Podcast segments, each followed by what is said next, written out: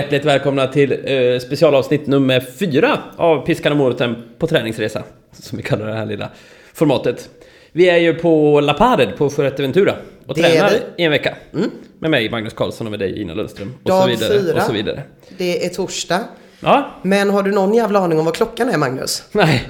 Det, det här har varit ett återkommande problem sedan vi kom hit. Det är en timmes tidsskillnad hit. Det är inte mycket. Nej, eh, i dagens digitala samhälle är man van vid att alla manicker ställer om sig automatiskt. Ja, men, men, men mina har liksom ställt om sig lite fram och tillbaka. Datorer, klockor, mobiler. Man brukar inte behöva tänka på det. nej. Det brukar gå av sig själv. Ja, men nu visar pulsklockan svensk tid ibland och så visar den fuerteventansk tid ibland. Det har visat sig att vi har aldrig någon jävla aning om vad klockan Nej. var. Igår fick jag fråga eh, på, du var jättenervös och fick sekundärskam när jag hotade med att jag skulle fråga en servitör på spanska vad klockan Ja. var. Mm, men sen gjorde jag ju det på svenska.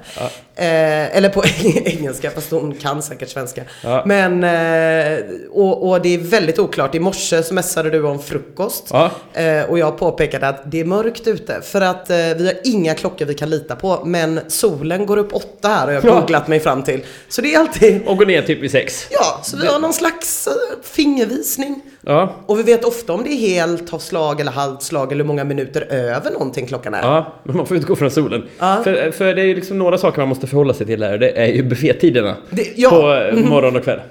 Så att i morse då hade jag satt klockan för att vi mm, skulle ses klockan åtta och äta frukost. Ja. Men då har jag tydligen satt klockan på sju. ja. Helt i onödan eftersom jag var så jävla trött så att det var liksom... Den där sista timmen hade varit jättetrevlig att sova. Ja. Och eftersom att jag eh, alltid vaknar flera timmar innan jag ska gå upp på morgonen så eh, insåg jag ju snabbt att men vänta lite nu, jag har bara kunnat titta på åtta helt jävla meningslösa YouTube-klipp när Magnus vill gå och käka frukost. Det är något som inte stämmer. Nej, det är något som är märkligt. Och det har ju Tro- hänt flera gånger att vi har knackat på oss den andra och säger Nu ska vi iväg va? Ja, Man bara Nej, du är en timme tidig. det är en ständigt pågående jävla papphammarsketch här. Ja, verkligen. Men eh, vi jobbar på det och det ser ut som solen snart går ner och då borde klockan vara sju. Eller var det åtta? Förutom att det här är min första träningsresa så är ju det här min första charterresa. Ah. Det är mycket som händer i mitt huvud. Mm, jag fattar. Jag vet inte om du märker det, men jag behöver liksom ta in. Ja, jo, jag har noterat det. Ja, Är, definitionen av charter, är det att man åker med ett resebolag och de har styrt upp allting? Ett hotell, transfer och så vidare? precis. Alltså det har jag ju gjort. Jag har åkt på sista minuten. Men då har jag åkt till eh, vid två tillfällen till Grekland och bott på hotell i städer som inte har haft såna här armband eh, och absolut inte det har ingått någon mat på. Mhm. Allt det här är väldigt nytt för mig. Och jag har faktiskt lite svårt med hela min självbild i, i den här grejen. Jag vet, det är ju inte svinvarmt här. Nej. Eh, idag har det varit ganska varmt. Ja, bra. när vi kom, för er som lyssnade på det första avsnittet härifrån, så var det ju 16 grader och mulet. Mm. Och då kom vi och då eh, gick vi förbi poolen. Mm. Och då låg det väldigt mycket människor där och, och solade. Och jag vet att jag sa till dig också så här, ja, här ligger de. Alltså det här har jag ju ärvt av min pappa då, att man alltid pratar om hur dumma alla andra turister är. För att själv känna sig otroligt smart när man är utomlands och man sett igenom det där. Eh, det är ju inte varmt. I Sverige hade man ju aldrig solat om det var 16 Nej. grader och mulet. Nej, nej, kunde man fnissa lite åt det medan man gick in på sitt rum. Idag har det varit vindstilla. Närmare 20 grader. Mm. det tror jag. 20, lite drygt kanske, Kanske till 20 och med. till och med. Jag tycker jag stängt på rätt friskt. Ja, eh, så idag eh, la vi oss vid poolen. Mm. Och eh, inom loppet av kanske 20 minuter Mm. så kom den nya busslasten med personer som skulle bo här. Mm. Och gick förbi poolen fullt påklädda. Samtidigt som solen gick i moln. Eh, vilket gjorde att, och, jag, och då tittade jag mig omkring och insåg att det var du och jag och typ fyra personer till. Som låg och huttrade i den mulna solstolen. Ja, för att jag, jag låg och sov där. Ja, Och sen så när jag liksom vaknade då hade det blivit mulet. Mm, och då kan jag säga att under den tiden så hade några gått förbi fullt påklädda Mm.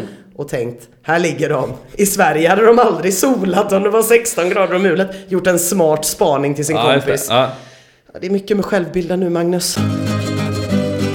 Det är inte som att vi har legat vid poolen hela dagen. Nej. I morse var vi ute och sprang lite grann. Du fick springa lite. Ja. Gamle lungpatienten. som ett sånt där kosläpp. Ja.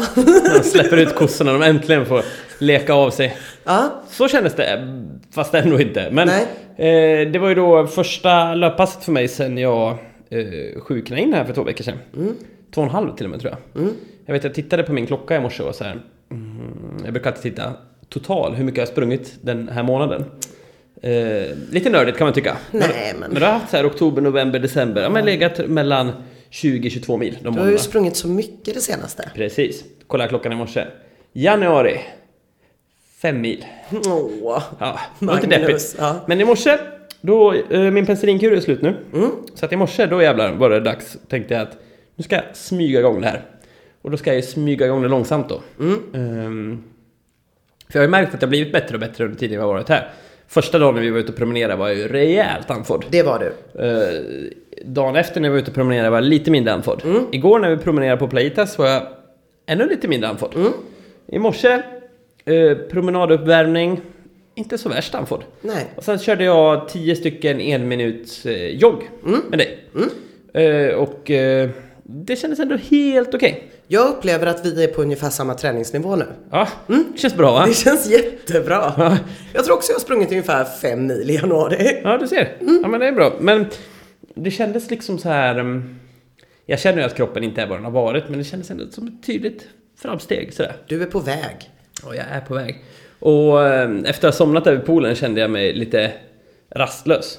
Så då stack jag ut en gång till. Det gjorde du. Så nu har jag gjort, eh, om det var åtta eller nio stycken två minuter här på kvällskvisten. Det går framåt. Kändes ännu bättre. Ja, Vem vet vad som händer imorgon? Kan det bli ett maraton? eh, nu tar vi det lite lugnt Okej, här. ja. Och jag vill också påminna om att eh, din penicillinkur tog slut idag.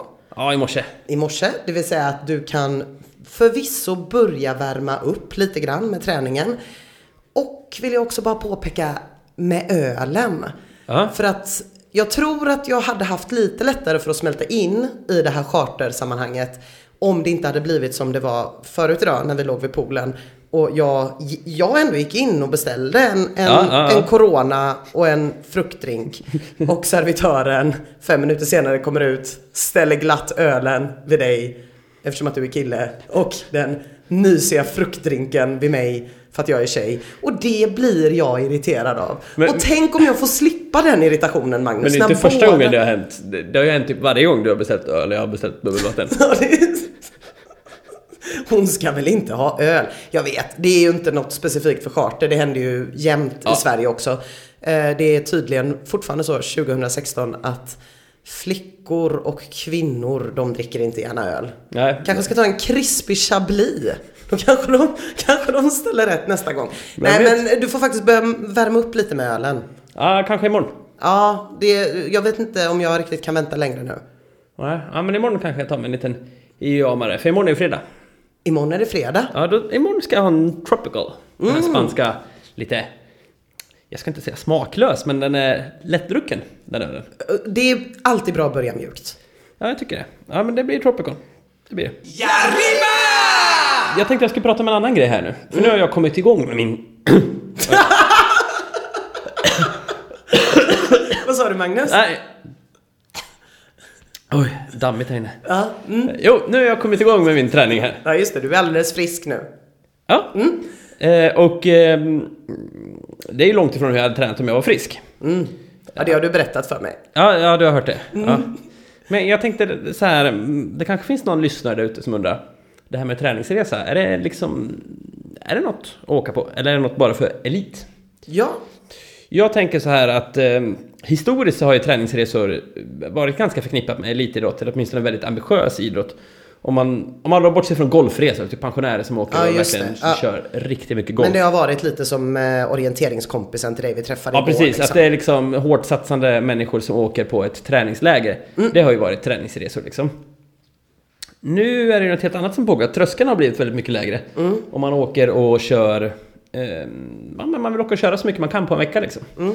Och eh, det är sjukt bra skulle jag vilja påstå. Eh, även om man inte är sådär superdunder vältränad. Så, för jag tyckte, jag blev ändå lite förvånad när vi var på Playitas igår att det kändes, jag var lite rädd när man skulle åka dit för att så här, jag skulle känna mig väldigt fet, ärligt Ja. talat. Eh, för att eh, på, det räcker att man åker till Stockholm för att man helt plötsligt går från segmentet helt vanlig tjej i Göteborg till, eh, till kraftigt överviktig på T-centralen. Ja. Ehm, så jag var lite inställd på det, men så kändes det ju inte alls. Det är ju vanliga människor där liksom. Det Ja, inte- jag kunnat tänka mig att med undantag för några av de här Jo, jo. människorna man inte hade sett på ett vanligt hotell så hade Ja. jag ju inte blivit chockad om det var ett vanligt charterhotell liksom. Nej. Men ehm, grejen är att man får ut väldigt mycket av att köra en vecka sen. Man får en väldigt stor effekt av det, skulle jag vilja påstå. Eh, och man kan verkligen träna varje dag utan problem. Man kan träna flera gånger varje dag utan problem också. För att man får så bra återhämtning på ett sånt där ställe. Dels när du är i värmen så återhämtar du bättre än liksom hemma i kylan i Sverige. Men också, mm, det är som upplagt för att du ska träna och sen vilar du i solstolen. Liksom, du äter bra mat, du tar det lugnt. Ehm, och du lägger dig tidigt och sover bra på nätterna. Liksom. Du är inte här och festar direkt. Nej. Och då får man en väldigt bra återhämtning vilket gör att man orkar verkligen köra på hårt i en vecka. Sen får man ju ta det lite lugnare i veckan när man kommer hem. Men man, de allra flesta skulle jag vilja påstå skulle kunna köra rätt hårt en sån här vecka. Och när man lägger in då en sån tillfällig period med lite mängdträning, man bulkar upp lite träning helt enkelt. Det skulle de allra flesta kunna få ut riktigt mycket av tror jag. Så att jag vill ändå bara slå ett slag för träningsresan. Om inte det har framgått i den här podden så tycker jag att träningsresan är en jättebra idé. Ja. Ja. Och om det inte har framgått från den här podden så jobbar jag fortfarande jättemycket med mig själv i en chartermiljö. Ja. Alla jobbar olika. Nej men det, är- det är mycket att vänja sig vid eh, det här med charter och det är ju också så, jag har ju sagt det i den här podden innan, att det är ju två till tre dagar från Göteborg så börjar ju, börjar ju och Öske, Öske, Öskfyr. Öskför, Öskefyr? Yskefire. Eh, det är hit man kommer när man kommer hem. Stilla börjar spelas upp i mitt Ah. inre.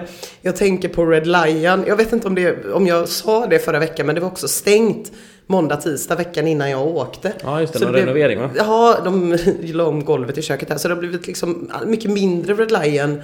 Men det var fascinerande att man kunde hänga med dig i två dygn utan att eh, orden Red och Lion nämndes. Ja, det, jag vet, men jag saknar det så fruktansvärt mycket och, och min hemlängtan är ju väldigt stark. Eh, och eh, om någon, var, om någon är psykolog och vill förkovra sig i det så har jag rest väldigt mycket när jag var liten och alltid hatat det. Kommer från en stolt familj av globetrotters som inte gärna bor mer än någon månad på respektive ställe innan de drar vidare. Eh, men jag har enorm hemlängtan. Eh, till och från, får man säga. Och, och då är det en kvartersklubb du längtar mest efter. Eh, ja, eller det är så här, det, det går ju på tid va. Så att Red Ja. Lion och den egna sängen, det tar ju bara några timmar innan Ja, jag ja, tänker ja. på den. Och sen eh, Red Lion, det dröjer kanske 40 timmar eller någonting. Mm. Sen har vi ju, sen, så ökade avståndet. Ja. Röda Sten börjar jag tänka på med nostalgisk blick efter kanske ytterligare två dagar.